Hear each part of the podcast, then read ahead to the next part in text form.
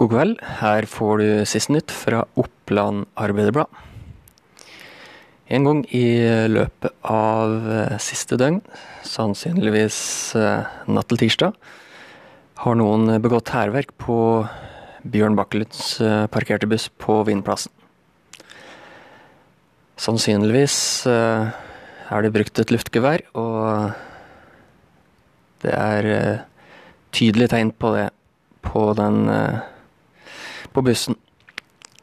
Det er rart ingenting kan få stå i fred, sukker en oppgitt uh, Bjørn Bakkelund etter å ha sett over bussen.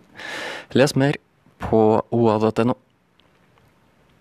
I 30 år har pådriverklubben på Dokka plukket søppel og gjort enda forefallende arbeid for at Dokka skal framstå som pent og ryddig. Nå får dugnadsgjengen støtte fra lokalsamfunnet for å fortsette den gode innsatsen.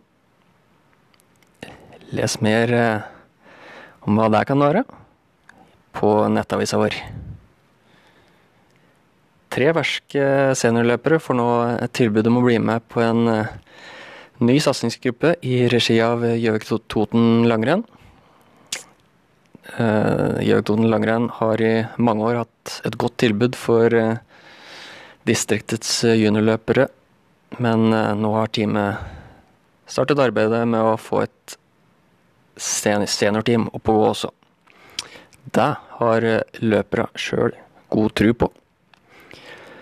Følg med på oa.no for eh, flere nyheter gjennom kvelden og morgendagen. Vi tales.